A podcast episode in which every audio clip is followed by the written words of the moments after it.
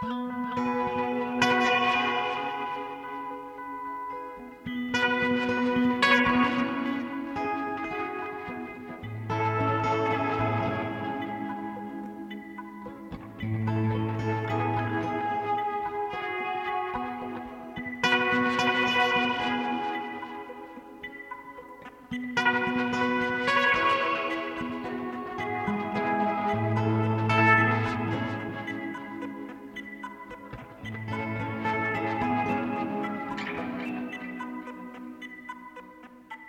Komið sæl og blessuð við sjá helsar á getur hlustendur 5. daginn 10. desember. Hvað dagarnir geta orðið dimmir hvað lítið þarf til að lýsa þá upp þannig orti Bræi Óláfsson á sínum tíma. Og já, dagarnir eru sannlega dimmir nú enda Desember mánuður bráðum hálnaður en um, það þarf kannski ekkert rosalega mikið til að lýsa þessa daga upp við sjá á 50 dögum á aðvendunni. Helguð nýjum bókum við um, ætlum að nota orðin og skálskapin til að lýsa myrkrið upp. Já, von á góðum gestum í dag hingað í hljóðstofu númer nýju. Þetta eru þau Guðrún Hannesdóttir sem að sendi nýlega frá sér sína áttundu ljóðabók sem að heitir Speil sjónir. Þórtís Gísladóttir en nýlega kom út sapn ljóða hennar, Þórtís held ég að segja megi að hafi notið mikill að vinselda sem ljóðskáld. Ljóð hennar hafa ratað víða, bókin nefnist Ljóð 2010 til 2015 og hefur að geima þrjár fyrstu ljóðabækur Þórtísar sem lengi hafa verið ófáanlegar. Hingað kemur líka Ófegur Sigursson með sagnarsapnið Vábóða Þar sem draumar, apar, fugglar og margt fleira skemmtilegt kemur við sögu og sumuleiðis Þóra Karitas Árnadóttir. Hún fer með okkur aftur á 17. öldi í bók sem að nefnist Blóðberg. Við höfum líka að fá bókaríni um miðbygg þáttargauti Krismansson bókmyndagaginni nefndi Víðsjár. Hann fjallar í dag um skáldsöguna Strendinga fjölskyldulíf í sjö töktum eftir Irsu Þöll Gilvadóttur. En Fyrstu gestir eru komnir í hús tvö ljóðskáld verði hjartanlega velkomnar í Víðsjá Guðrún Hannesdóttir og Þórtís Gísladóttir. Hvernig legst eh, aðvendan í ykkur? Hún legst bara rosalega vel í mig, sérstaklega dagun í dag var bara, er, hefur hingað til, verið stórkustlur, hófst og sundferð. Já, nokkanlega, þetta er hátíðist dag. Og e, ég segi ekki að lífsvilji minn hafi verið að fjara út en hann allavega svona blúsaði aldrei upp eftir Já, sundið. Einmitt, hvað segir þú Guðrún? Allt er besta bara. Já. Já, já. Er, er hérna, er gaman að vera með bók í, í þessu ástandi núna? Er þetta allt öðruvísi en vennilega? Það er allt öðruvísi en vennilega. Mm -hmm. Ég kannu ekki alveg við þessi streymi hérna fyrir bari.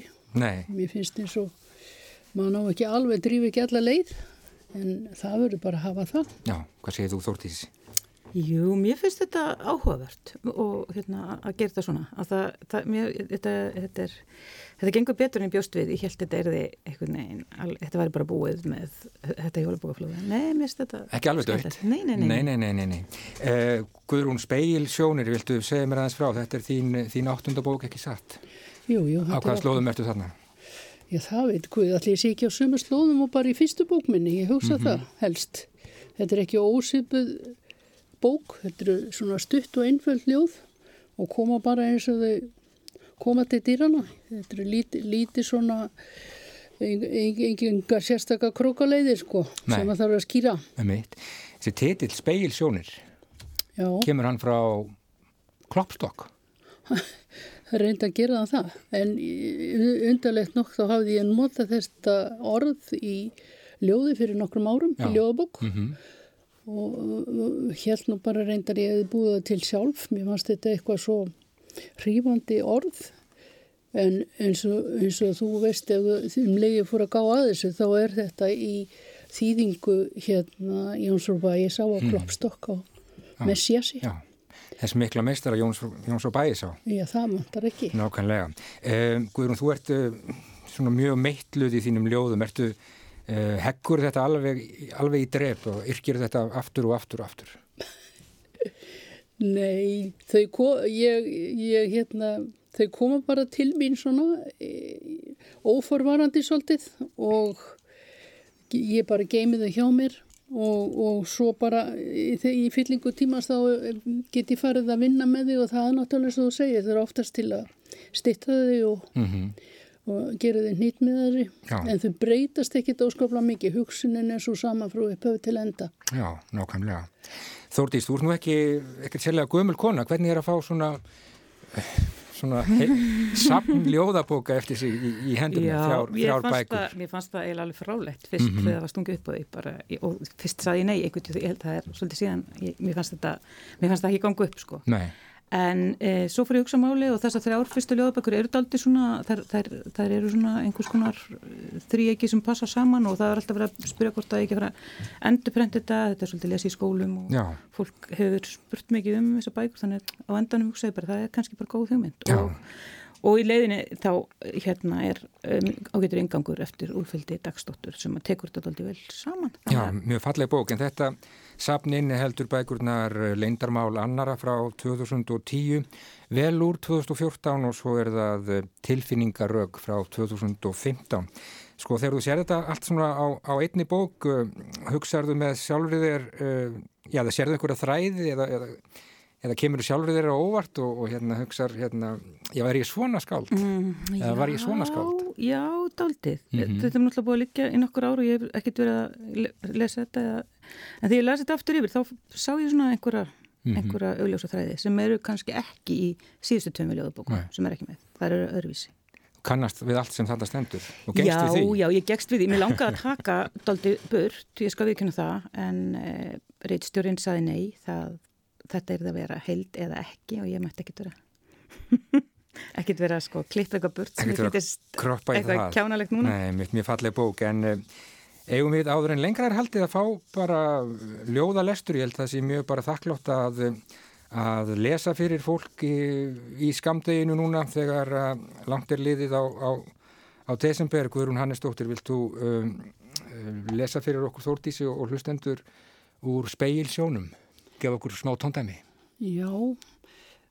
Má ég taka tvö saman? Ég sá þau svona fyrir mér í knippi því að hérna þessi bæði ljóð þau fjalla um hálgerð svona óféti. Mm -hmm. sem eins og allir vita þeir skjóta svona stundum upp kollinum. Sem er í raunheimum og önnur í hug, hug, hvað heitir það, hugarheimum. Og hið fyrra heitir Lúðurhljómur Þú sér þau streyma hjá eins og fyrrum hálfgalinn, tignarleg, guðleg eða grimm. Þú heyrir tifið, hófatakið, ógreinlegt kvískur, sérð marglita liftrandi makka, horn og narreist höfuð, sérð glitta í stingandi augu, glitfjadrir, vigtennur, klaufur og klær. Fáséðar fyrðu skeppnur, hverafuglar, kerúrbar, finngálk nýgrar og skoffin, drekar, draugar og drísildjöflar og þú veist að flest eru þau á leið aftur inn í bækur sínar eða inn í hugskott mannanna þar sem þau áttu sitt upphaf og er nú kyrtum stund. Til þess stóða minnstu kosti vonir flestra en þá dregur upp nýjan sorta. Magnaðri ströymur hefur myndast, æbandi, týstandi afstyrmi reyðjast fram, fantar og fúlmenni sem ekkert færunnið á, með logandi brennistein í hjartastað og samviskan svartól. Og kringum þá leika lausum hala, smarri, smánar og skadræði stýr sem framselja land sitt feigð og fári á þess að deppla auða. Þau eiga sér enga heimvist í bókum. Og þú veist að venjulegt grandvart fólk er svo víðsfjariði að geta afbórið þessi óskup í sálsinni að eina ráðið er að skiptinni út fyrir eitthvað annað. Glæsilegt, viltu koma með eitt kannski í viðbót? Þú, þú, ert, bara, þú ert rétt að hittna. Já, hittljóðið sem er líka svona svolítið ofétisljóð, það heitir nú bara M. Mm -hmm sem skiptir engum máli því þetta er bara svona dölkóði fyrir mig og hljóma svona hverjum geti dottið í hug að hún svona stór og ólöguleg kæmist fyrir í þínum litla kroppi en það getur hún því hún hefur næmt auga fyrir hálsmálum, hnappagötum, sömsbrettum og öðrum smugum þó smáar séu. Hver hefði trúað að hún geti hoft, horft út um augun þín blíðlögu bláu með sínum smáu nástæðu ískráu augum sem eru köld eins og tveir týjeringar eða tungl á háum himni en það getur hún. Getur líka með léttum leik falið minns físið glott sitt og jökulkaldar þagnir í ljúfum andadrætti þínum. Falið sína draugfrosnu sál undir þínu minnlösa hverstaskæfa fasi. En vandlegast felur hún það sem gefið hefur upp andan á hennar gattfræðinu slóð.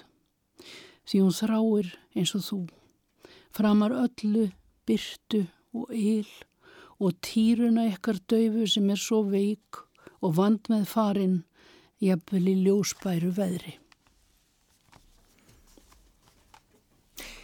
Takk kærlega fyrir þetta. Guðrún eh, Hannesdóttir, hún las hérna fyrir okkur úr eh, ljóðabók sem að heitir Speil sjónir. Guðrún, þetta er nú ekki eina bókin sem að þú gefur út í ár. Er ekki þrjár? Já, ég hérna gef út þýðingu á ungveskri bók sem að hérna hefur bara gengið ljómandi vel og er mjög skemmtileg vinna en löng og strempin. Já, dyrnar eftir, eftir mögtu sjakko. Já, akkurat, dyrnar. Og bókvikunar hér á rásætti í, í síðustu viku. Nefnilega. Og svo hef ég verið að þýða fyrir lítið forlag sem heitir Littli Sæhesturinn. Mm -hmm. Það eru batnabækur, ég kemst nú aldrei almennilega frá þeim því að ég var á tímabili að skrifa batnabækur. Og þetta er eftir, þetta eru bæk, bókaröð eftir sænskan rítöfund sem heitir Rós Lagerkrans og er bara, hún alveg úr efstu skúfu í Svíþjóð, mm -hmm. bæði batnabækur og fullorðins og það eru komnar úr tvær og svo þriðja kemur núna í, eftir áramóti. Já, hljómar, uh, hljómandi vel, uh, Þórtís er ekki, menn tala nú um það, uh, um þessar mundir að það sé mikil gróska í ljóðlist og um, nóg mikið er nú, er nú gefið út af, af ljóðabókum og, og kannski bara, já, aldrei fleiri titlar en, en nú, það er það er ymsett að gerast. Já, það er bara margt að gerast mjög skemmtilegt. Mm -hmm. Það er bara rosalega mikil gróska. Já, nærðu að fylgjast með þessu alltaf saman? Já, ég, svona, ég reyni. Ég er búin að lesa bókinu hennar Guðrunar og ég er svona, já, já, maður svona mm reynir að fylgjast með og, en það dettur alltaf eitthvað út sko, maður mað sér ekki allt. Nei, það er eiginlega út og lokað að komast uh, yfir þetta allt saman en þetta er kannski til marg sem það að uh, Já, ljóði það, það skipti máli og ljóðlistin skipti máli. Skipti já, máli. það, það er, bara eru svona, já, ymsir koma að segja skólar í gangi mm -hmm. og mhm. svona, þú veist, það er, það er svona, þetta er, þetta er svona eitthvað svona vöxtur. Já. Og góðar þýðingar. Já, já emmitt, nákvæmlega. Gleimum þeim ekki, en Þórtið segjum við að fá, uh, fara aðeins aftur í tíman með, með þér, hvert viltu halda? Ég ætla að byrja á ljóði uh, úr Lendamáli mannara mm -hmm. frá 2010 sem heitir Glamúrskortur. Láttu hvað það? Er mikilvægt að líta eðlilega út, líta út fyrir að vera venjuleg, ánþess þó að vera leiðinleg, huguleg, en ekki skera sig ómikið úr og umfram allt ekki ganga um með óhaminguna eins og þrúandi kvatarslæðu um hálsin. Kona með mæðusvip, þurra húð og bauga undir augunum, gleður ekki karlmenn. Korki góðlegan geðilegni í gráleitum jakkafötum með gljáa óhóflegrar helgardrykju í blóðsprengdum augum, nýja eigin mann sem á allt gott skilið. Það er mikilvægt að rækta líkama á sál, ganga á fjöll, drekka móðurlífs te sem fæst í heilsubúðum, endurmenta sig, mynda tengslanett, Stelpu mínar verð ekki leiðar þótt þið setjið aleinar heima í nýjum undirfötum með opna kvítinsflösku og snakki skál á meðan maðurinn ykkar einhver staður á djamminu. Takið því af skilningi og þólinnmæði. Að öðrum kosti endiðið sem einstæðar mæður útgráttnar með auka kíló í pínulítilli íbúð eða heima hjá vinkon ykkar sem er lúsar. Og munið umfram allt að hamingjan er lífrænt ræktuð og fast í heilsubúðunum. Takk fyrir það og kannski eitt í viðbútt. Já, ég er sem að lesa hérna úr velur sem kom út 2014, ljóð sem heitir Nýtt líf. Mér langar ekkert að taka með taki og ekki að breyta lífi mínu örlítið hægt og rólega til hins betra. Mér langar bara að stinga af og flytjast búferlum inn í romantíska gamanmynd með alvarlegum undirtón. Þar er ekki almennur pyrringur heldur merkingar þrungin ángist en þó svo léttvæg. Ef myndinu frönsk fæ ég mér salat, granna síkarettu og kaffibotla í háttegismat, krossleg fætur í rauðum skóm með lágum hæl. Og börnin kýta þægilega eru kannski svolítið klístruð en kurtis og ekki með neinar greiningar. Og í þessari mynd fælst vondur hárdagur í því að óstýrilátir lokkar, falla úr frjálslega uppsettu hári, þreytulegu útliti er bjarga með varalit. Heimilisleiknirinn er fjölskylduvinur sem klappar á knið, við fáum okkur áfengan drikk og ökum síðan heimáleið. Og ég þarf ekki að vinna, nema hugsanlega hálfandaginn, í listasal. Fer aldrei á skattstofunnið í bankan til að semjum ógreitar skuldir og vexti. Í myndinu minni er engin með ofnæmi og engin þarf sterakrem til að rífi gjófan af útbrotum. Þar er engin með mikropenis, engin með blettaskalla, engin með þvagleika, engin með gillinæð, engin með mildisíki, engin með brotgjarnan ekslitning. Vandkvæðin eru viðræðanleg og lífið svo þægilega merkingar snöytt. Takk kærlega fyrir það. Um, Guðrún, uh, ég vitnaði nú Ján Braga Ólafsson hérna í upphafið þáttar og hann sagði einhver tíman uh, þessa ágætu setningu að, að um, það væri fullt starfa að vera ljóðskáld. Ljóðabækur er nú ekki alltaf mjög þykkar en, en eitthvað hafið hann nú fyrir sér í, í þessu. Hvað sér við því? Ég held að ég veit það nú eiginlega ekki sko. Ég, ég hef ekki aldrei ritt það að vera ljóðskáld í fullu starfi. Mm -hmm. Þetta hefur bara, hérna, ég tók upp á þessu í Bríaríu næstu því og mín fyrsta bók kom út 2007 Já. En ljóð, ljóðlist er náttúrulega þannig að ef maður ánættjast henni sko þá verður ekkert aftur snúi með það, Nei, það eða ekki þannig. mínu tilfelli, ég bara, ég bara held bara áfram og ég kem sjálfsagt til maður að gera það alveg frá mér auðandeðan, mjög gaman að þessu. Já. Svo náttúrulega þegar sko bæði maður er lagstur í algjört yðjuleysi og COVID kemur von á það þá, þá hérna dettur manni sko ímislegt í hug og finnur ímislegt þess að gera Já. Það er ágætt Nákvæmlega. Uh, ertu sí lesandi ljóð, þú kallast nú á við, við skáldi þinni bók og já, sér nú til dæmis ástæðu til þess að byggja Jónas nokkur afsökunar Akkurat á hverju? það, sko hérna ég hef Ég veit það ekki, ég hef alltaf reynd séð fyrir mér um, gildi orða, hérna mér hefur alltaf fundist orð vera svo stórkoslu og dýrmætt mm -hmm. og bara strax þegar ég var lítil þá dætt hjá hann í Jónas, ég veit ekki hvort nokkur trúi því, en maður læriði náttúrulega hérna þessi skólaljóðar, skólaljóðans og mér rann alveg óskaplast eh, til rivja örlugans með föðumissi og annað. Já, og bara sá harmur bara alveg hérna lifði með mér eins og, eins og þetta hefði bara komið fyrir náa nættingja og hérna mér fannst ég sjá, sjá þetta þennan þráð. Eða þú ert að spyrja um þetta ljóð sérstaklega mm -hmm. sko þá fannst mér ég sko það fannst mér lengi og ennþá að, að hérna, þessi sorg þrætti sér gegnum allt hans líf og all hans verk eiginlega og þessi, þetta ljóð þarna afsökunarbeginni til Jónasar það er það er eiginlega mm, partur af mínu barnahugsunum sko mm -hmm, að hérna ég ruggla saman ljóðum ég ruggla saman ferðalokum og því sem ég var að hugsa á sínum tíma Já. og svo því sem ég veit núna og þetta er svolítið sérkennilegt ljóð.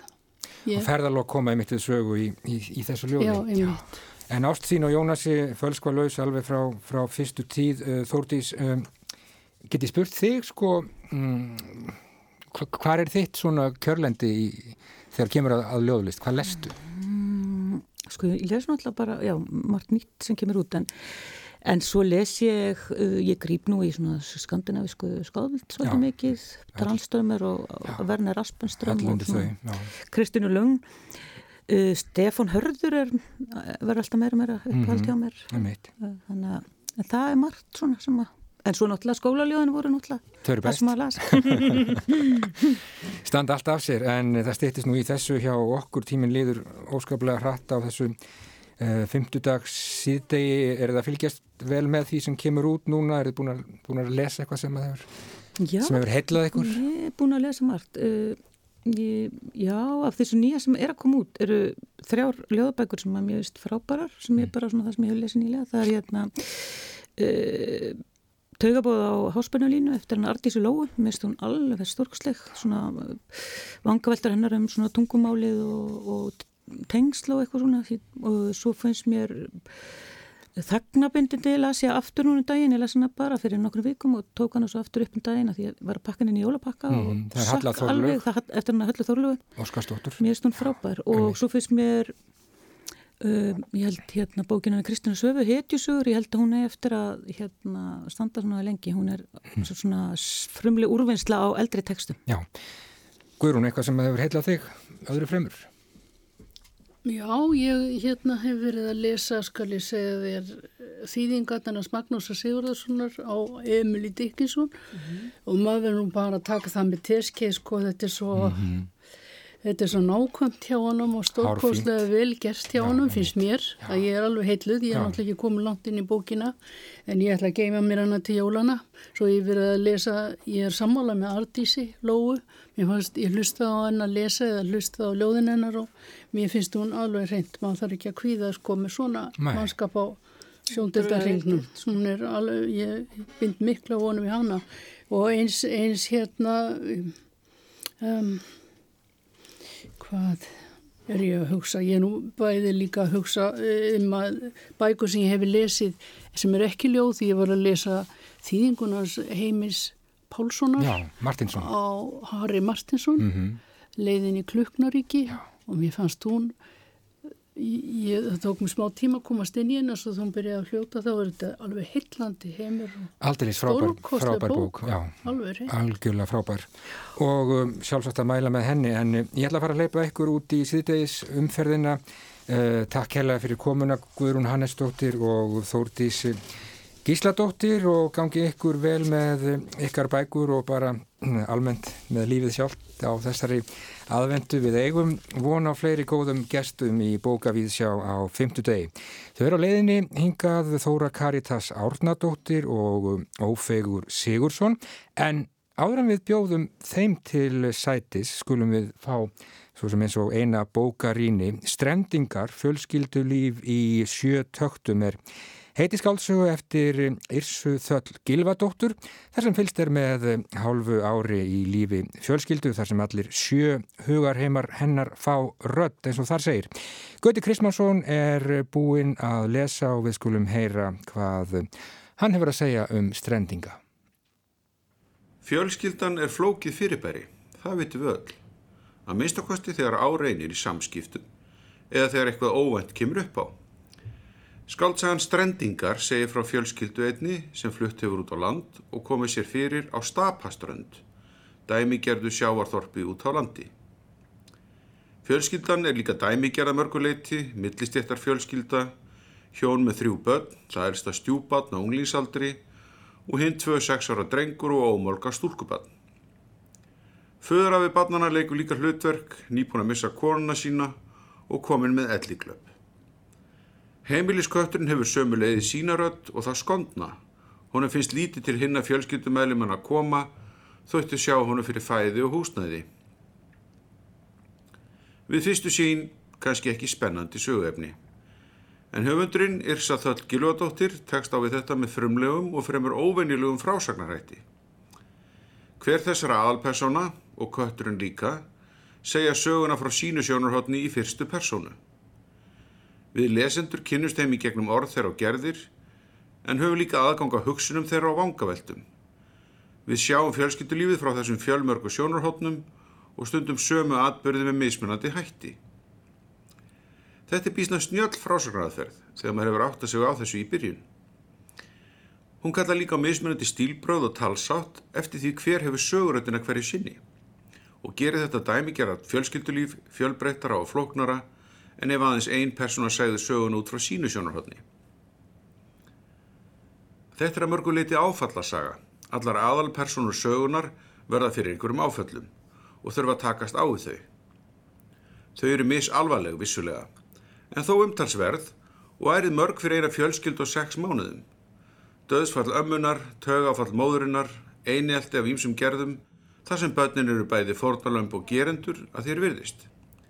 Mér er sér að kötturum verður fyrir slíku áfalli að hann tekur til sinna ráða. Viðbröð allra er bísna eðlileg og átökin við umheiminn taka sinn toll, en sína fyrir velgert fólk þrátt fyrir allt. Það er hægt að finna til samlíðunar og þótt maður getur látið sumt sem þau gera fari töðan á sér, þá veit lesandin einst inni að hann eða hún væri vísast engu betri í sínum gerðum. Undirtillsögunar er fjölskyldulífi sjö töktum og gerir ráð fyrir að það er yfir personuna sjö og er þá amman ekki talin með, en það segir hún ekki frá sjálf. Sagan fer líka frá einni persónu til annarar í hverjum kabla, sem ber nafn viðkomandi. Hún líka sögði réttri tímaröð frá februar til júli en svo heita hlutarnir sex sem sögun er skipt niður í og má eflaust velta fyrir sér þeirri skiptingu frásagnarfræðilega. En hún myndar fyrst og fremst tímaramma utan um sögur þessara mismunandi einstaklinga og kemur kannski aðeins í staðin fyrir hefbundið plott eða fléttu þar sem það er engin markíkja fólkin í sögunum með klassísku upphafi, miði og endi þótt hugsanlega megi segja að döðsfall ömmunar og viðvera afans í framhaldinu sé upp af einhverja átaka í klassískum skilningi. Þá reyndar við um átök móðurinnar í starfi sem verða til þess að hún fær einhvers konar taugafall eða átök eldri barnana við umhverfið sitt í skóla og við kynþróskan. Bygging sögunar kallar á mismunandi stíl eftir hvaða karakter er að segja frá hverju sinni. En þetta er vel hefnaða mörguleiti og gerir personuna ljóslefandi eins og þar eru. Drengurinn ungi hefur sinntalanda Stóra sýstir hans líka. Þótt mér finnist hún á stundum tala heldur gott mál miðað við aldur og fyrir störf, ef svo má segja. Reyndar er hún mjög bráðþróska og veraldur að vöna í tali en sumt í fari hennar er líka alltaf því einfeldningslegt sem gefur henni aukna vít. Hún hefur talandan en gerir stundum hluti sem er ekki eins klárir. Sögur af hans með elliglöpin er áhugaverðar. Hvernig hann rugglar saman veruleika í rúmi og tíma ruggla saman personum í kringum sig þannig að allir í kringum hann rugglast líki rýminu, eitt andartak að minnstakosti. Fjölskyldufæðarinn er líka svolítið rugglaður í rýminu, með sjálfan sig. Hann hefur dreymt um að vera skapandi, listamaður og gerir tilum til að yrkja í upphafi, hann hefur í fæðingarálofi með ómálka badninu og er kannski að skrýða þann aldur að hann finnst að hann þurfa að skilgreina sig og lífsitt upp á nýtt. Vandamál sem við þekkjum öll á einhverju tímabilæfinar. Móðurinn að afanum frátöldum er kannski harmarænasta personin í sögunni.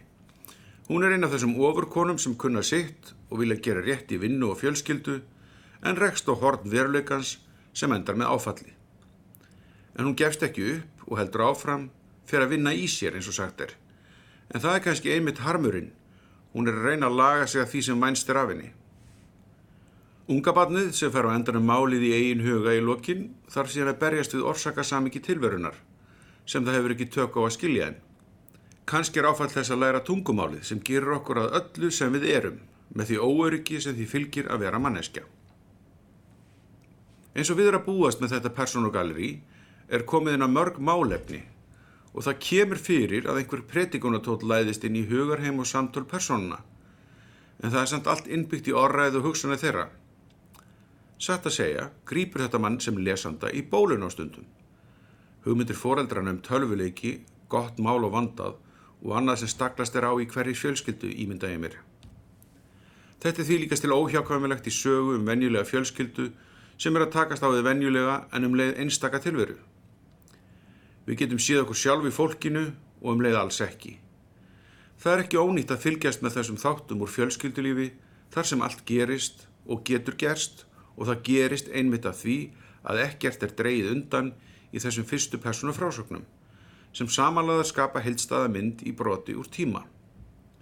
Venjilegt fjölskyldulíf er kannski ekki dramatíst en þessi saga sínir með sinni margrata byggingu að dramatík tilverunar fælst ekki í stórkostlugum viðbörðum heldur að lífið sjálf drama sem vinna þarf úr á hverjum degi.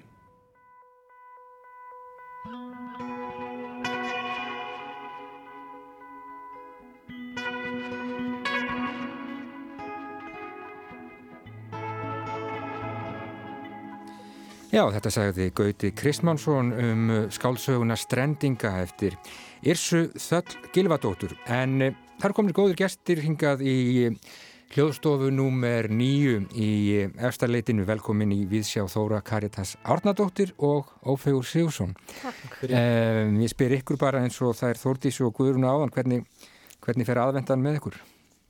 Þóra? Bara, bara útrúlega vel. Mm -hmm. og gott að fá svona svartasta skamdegi það er núna og svo er bara ljósið að koma inn í það. Já, þú sagði mér að þetta er erfitt með svepp. Jú, það er bara nákvæmlega mínu svo ofverkir, bara að vaska upp í nótt og fara út með ruslið. og- Fjörur. Hvað segir þú Ófegur? Er þetta allt í lagi?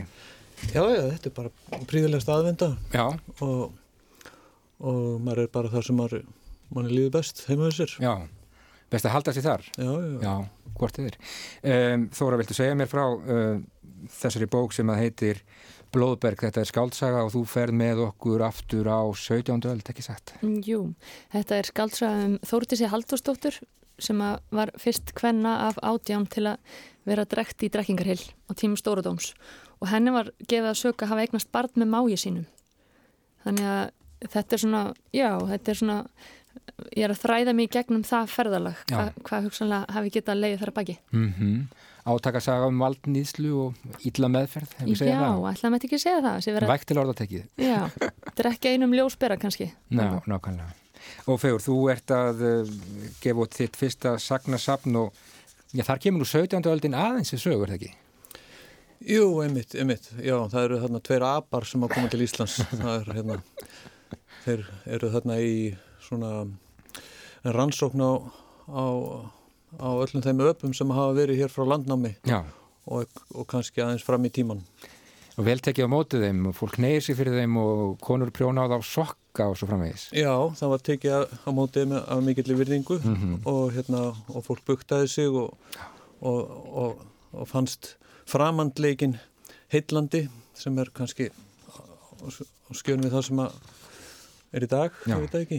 En þú, já, Það er svo gaman að lesa vábúða eftir að maður er búin að vera sjálfur að grúski annálum af því að það er svo mikið verið að leika sér að tímanum og svona fara fram og tilbaka í svona orðflæði um, um það sem er gamalt og það sem er nýtt. Já. ég skemmti mig konunglega við að lesa þessa bók, mm vábúða. sem að er bók sem að fjallar jú ekki síst um jú, auðvitað vábóða en, en, en ekki síst um, um drauma Um drauma, já, það er uh, mér hefur fundist halla svolítið á drauma og gert svolítið lí, eða, svona, freka gert lítið úr þeim svona á vorum dögum og, og um, en það er svona, þú veist, hafa verið skipta skoðunur um drauma, það er svona þess draum, eða, hafa alltaf skipst Man, eða, þú veist, menninir hafa skipst í þessum að eru eiginlega á móti draumum og, og síðan draumfólk sko, og maður svona í gömlum sögum eða sagnaþáttum þá svona hallast maður heldur að sko draumfólkinu sko það er svona uh, þekkilegra heldur en þeir sem er á sem að tala um draumþrugl og, og þú talar um ekki- þekkingu í draumum þetta er eitthvað sem við erum ítt til hliðar bara já, vorum skynnsemis tímum einmitt, einmitt og möguleg gátt inn í framtíðina. Mm -hmm. þannig að ég held að við ættum ekki að skjóta loku fyrir drauma. Nei, Svo ánæg með að sé vera að taka upp hanskan fyrir berðdreimi, sko. Mhm. Þetta svona, hefur alltaf verið svona kvenlegt og eitthvað svona afgreitt sem svona Já, nákvæmlega, eitthvað kellingabækur.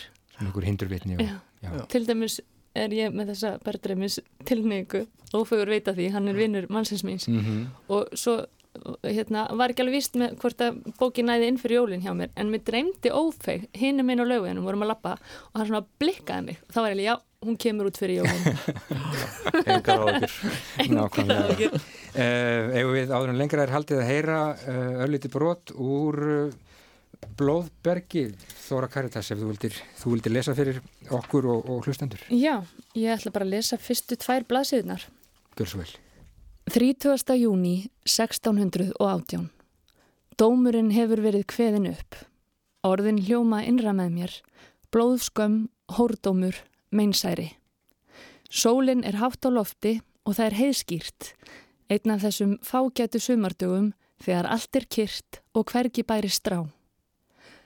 Haförn svífur yfir almanagjá í leitað bráð og klettagjáin er voldug áminning um smæð mína. Berfætt gengi eftir þurrum moldarslóða með hendur bundnar fyrir aftan bak. Fyrir fram að mig böðullin sem heldur á stregapoka og snæri. Hann grýpur í handleikin á mér, dregur mig út af moldarslóðunum og teimir mig eftir tróðnum stíg sem liggur með fram hilnum. Nefnur staðar og tekur upp steinnullung sem hann kastar út í. Vatnið freyðir og gárast á meðan steinnin hverfur niður á botn.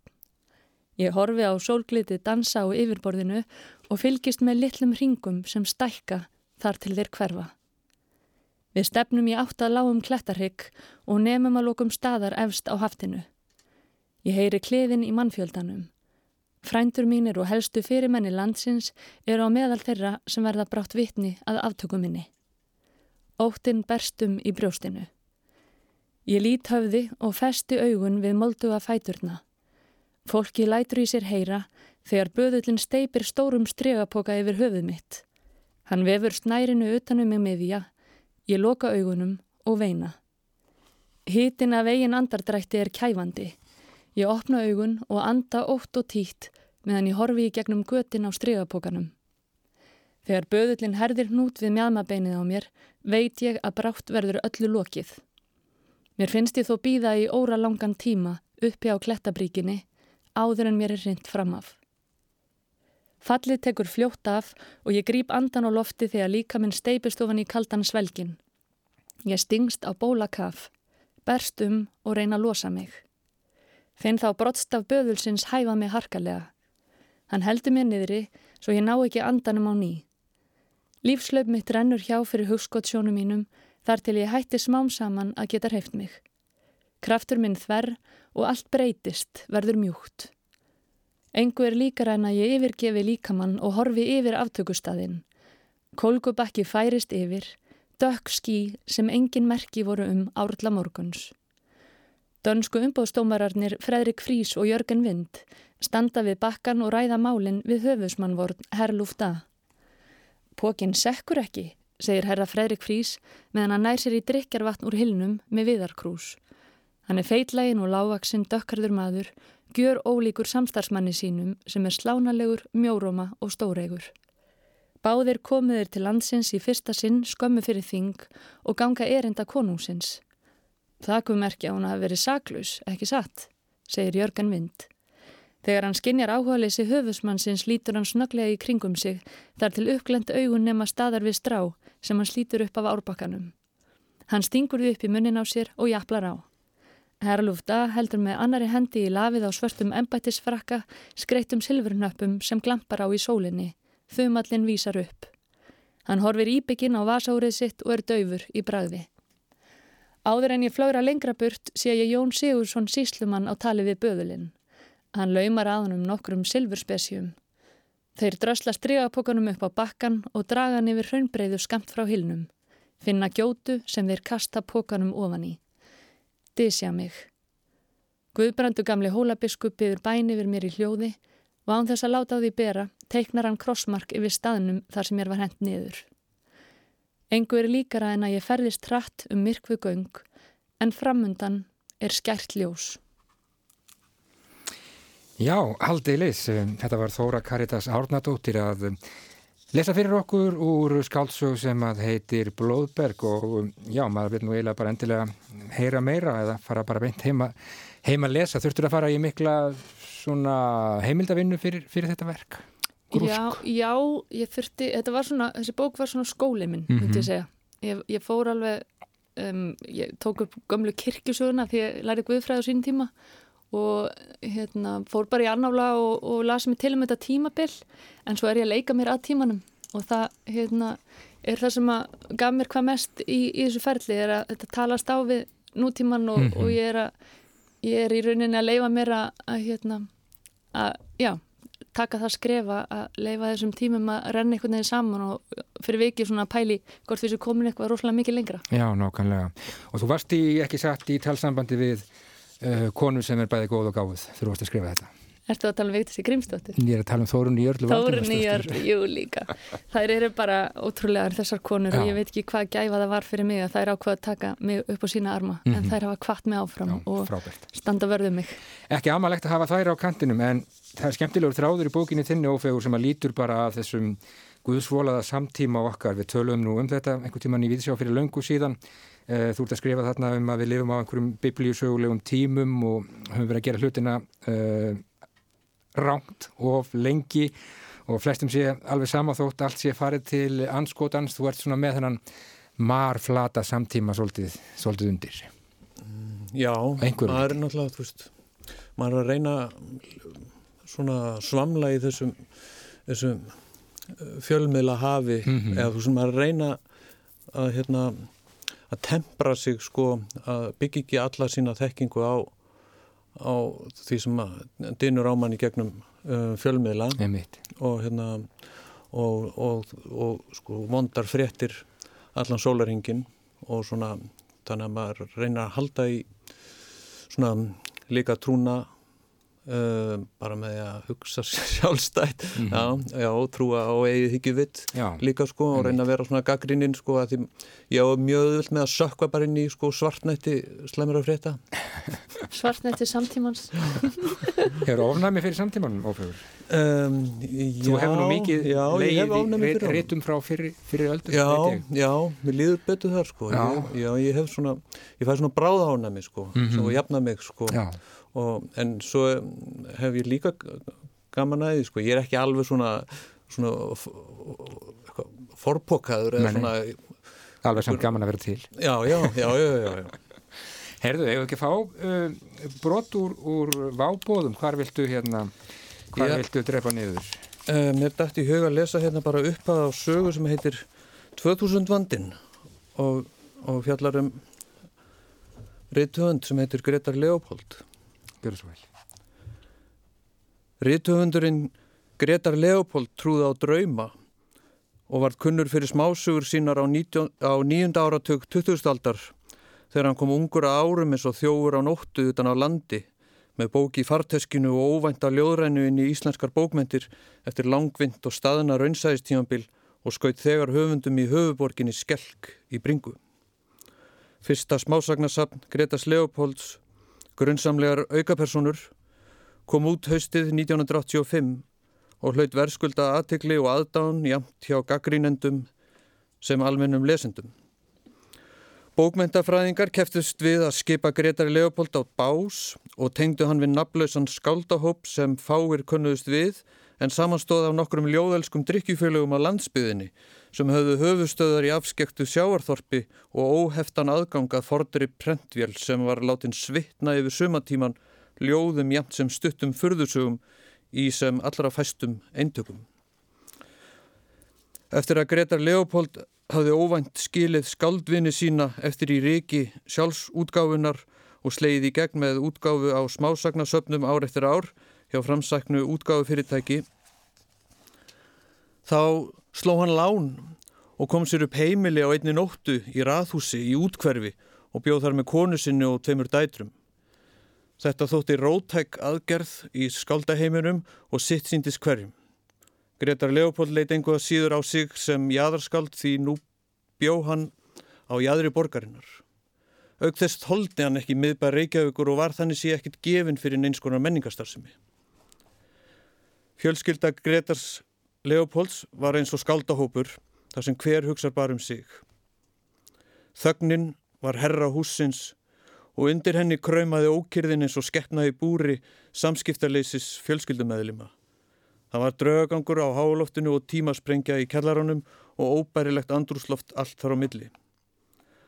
Svona heimilislíf getur auðvitað aldrei gengið til lengdar, það vissu ungu dæturnar, jafnvel og foreldrarnir sem skópu ástandið.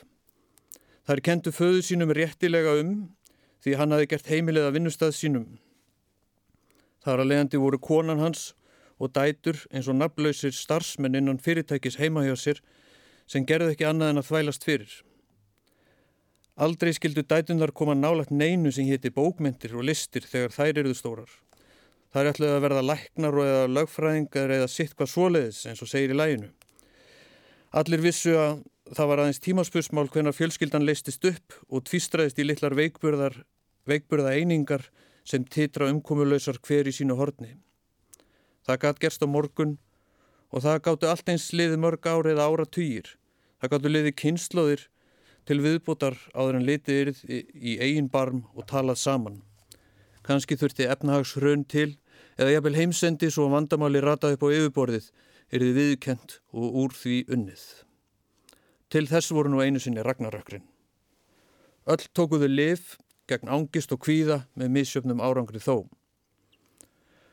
Af köst Gretars Leopolds og gæði verka hans þóttum við slíkum ólingindum að sagt var að hann hefði í vinnu hjá sér herskara dvergum sem skriði úr skápum og ofan að bókaheilum á modnana þegar höfundurinn gekk með fyrsta kaffibótlan rjúkandi upp stegan á skrifstofana sína undir súð í útkverfi. Hvern morgun, millir klukkan 6 og 7 á mistari smásugunar í svebbróunum, reikandi um í endurkasti drauma næturinnar og grófur vitund sinni grunnina nýri sögu sem hann skildi byggja upp yfir daginn. Hann skrifaði á mornana, fekk heitt í hádeginu, fór í göngutúrum kaffileitið, lagði sér sennipartin, las á kvöldin. Hann var fullkominn dagur ef hann fekk frið frá þessum ókunnu starfsmörnum sem eiguruðum fyrirtækið.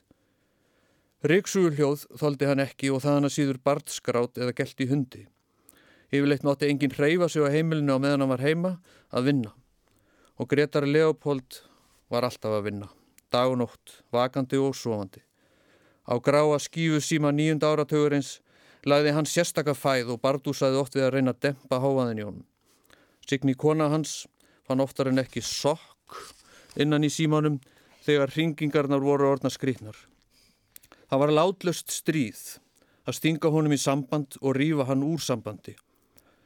Sá takkasími sem kom á heimilið um 1990 varð fljótt laskaður og gleiðsa vegna pyrrings á slíkri nýjung. Gretar Leopold átti það til að ruggla saman draumi og veruleika og hefja dægin á því að ringja ösku íllur í fólk. Skella svo harkalega á að tóli gekk allt úr skorðum. Þegar farsíminn kom til sögunar undir aldamót var honum öllum lokið. Friðurinn í heiminum var úti að hans mati dagar bókmentana senn taldir veruldin tilgangi snett. Já, takk fyrir það. Ófegur Sigursson að lesa hér úr sagnasafni sínu Vábóðum, saga sem að heitir 2000 vandin. 2000 vandin, já. Hún reyna að halda niður sér sláturinnum en uh, Það steytist nú í þessu hjá okkur uh, rattflýgur stund. Uh, Þóra, ert þú búin að lesa mikið af, af nýjum bókum? Ég er ekki búin að lesa eins mikið og mér langar til. Mér finnst alveg ofinnu gyrnilegt jólabókaflóðið og hérna ég er búin að lesa þess að um, tvær sögur í vábúðum. Ég ætti að lesa, ég er spara mér þær og líka April Solar Kuldi eftir Elisabethu. Ég hef byrjuð á henni og eftir 30 blæsur. Mm -hmm. Ég mhm. pín á sparaðir af því að ég nýtast mjög að lesa og svo lakka ég til að lesa auði öfu og bara ótal marga bækur Já. sem er í flóðinu. Áfegur, hvað segir þú? Já, ég er hérna bara í meðju kafi á í hérna myrkri fjárveru Jóns Kalvans mm -hmm, og, um, og uh, hefur líka gefað gaum á ljóðum og, um, og ég, til og með eins og Gerðis Eliassonar en ég vil minnast á hérna alveg frábæra bók sem hefur ekki fengið nú miklu aðtikli finnst mér. Það er hérna bók Óskar Sárna, dagbókin úr, úr, úr Stykkisólmi. Vatnasafninu. Vatnasafninu, sko vatnaleiðin. Vatnaleiðin, já. Það er alveg frábær bók og mjög falleg og ljósmyndunar í hennu. Já, eftir einar fall. Já. Samanlega því mjög flott, flottur tótn í, í þeirri bók. Já, frábær tótn. Já, nákvæmlega. Gaman að heyra af því, uh, hún Þórtís var nú að segja hérna bara á leiðinu út að það væri bara rífandi gangur í, í bóksölu, hún hérna hafið það bara eftir, eftir instakoppi og það er ánægilegt. Ótrúlega ánægilegt og líka bara á þessum samfélagsmiðla tímum sem við lifum þá er alveg ótrúlegt að maður, ég er að fá rosalega mikið skilabóðum frá lesendum Já. sem eru kannski nú þegar búin að lesa mm -hmm. og það er ótrúlega mikið ljós inn í aðvenduna að, fá þessi viðbröð. Það er eitthvað samfélag að núti en þá, mm -hmm. er það ekki? mér alls ókunnugt ég er ekki á samfélagsmiðlum og heyra aldrei í lesund Nei, nákvæmlega uh, Ég ætla að fara að leipa ykkur út í síðdeis rökkrið uh, Þóra Karitas Árnadóttir og uh, Ófegur Sigursson og ég vona að aðvendan verði ykkur bara góð og gjöful og, og Allt gangi þetta vel með, með ykkar bækur og að þið njótið þeirrar þess tíma sem að í hönd er. En við ætlum að ljúka þættinum einhvern veginn svona, þetta var svona, já, tilraun Okkar til að lýsa upp skamdegið með orðum, lýsa upp skamdegið með skáldskap. Við sjá hér aftur á dagskrára ásar eitt löst eftir klukkan fjögur á mánudag. Ég minni á úrval úr viðsjárþáttum þessarar viku sem fer í loftið klukkan 14 klukkan 2 á sunnudag. En eh, segjum þetta gott í dag. Teknimaður í þessari útsendingu var Rappkjell Sigursson. Takk kærlega fyrir samfélgina í dag. Verðið sæl.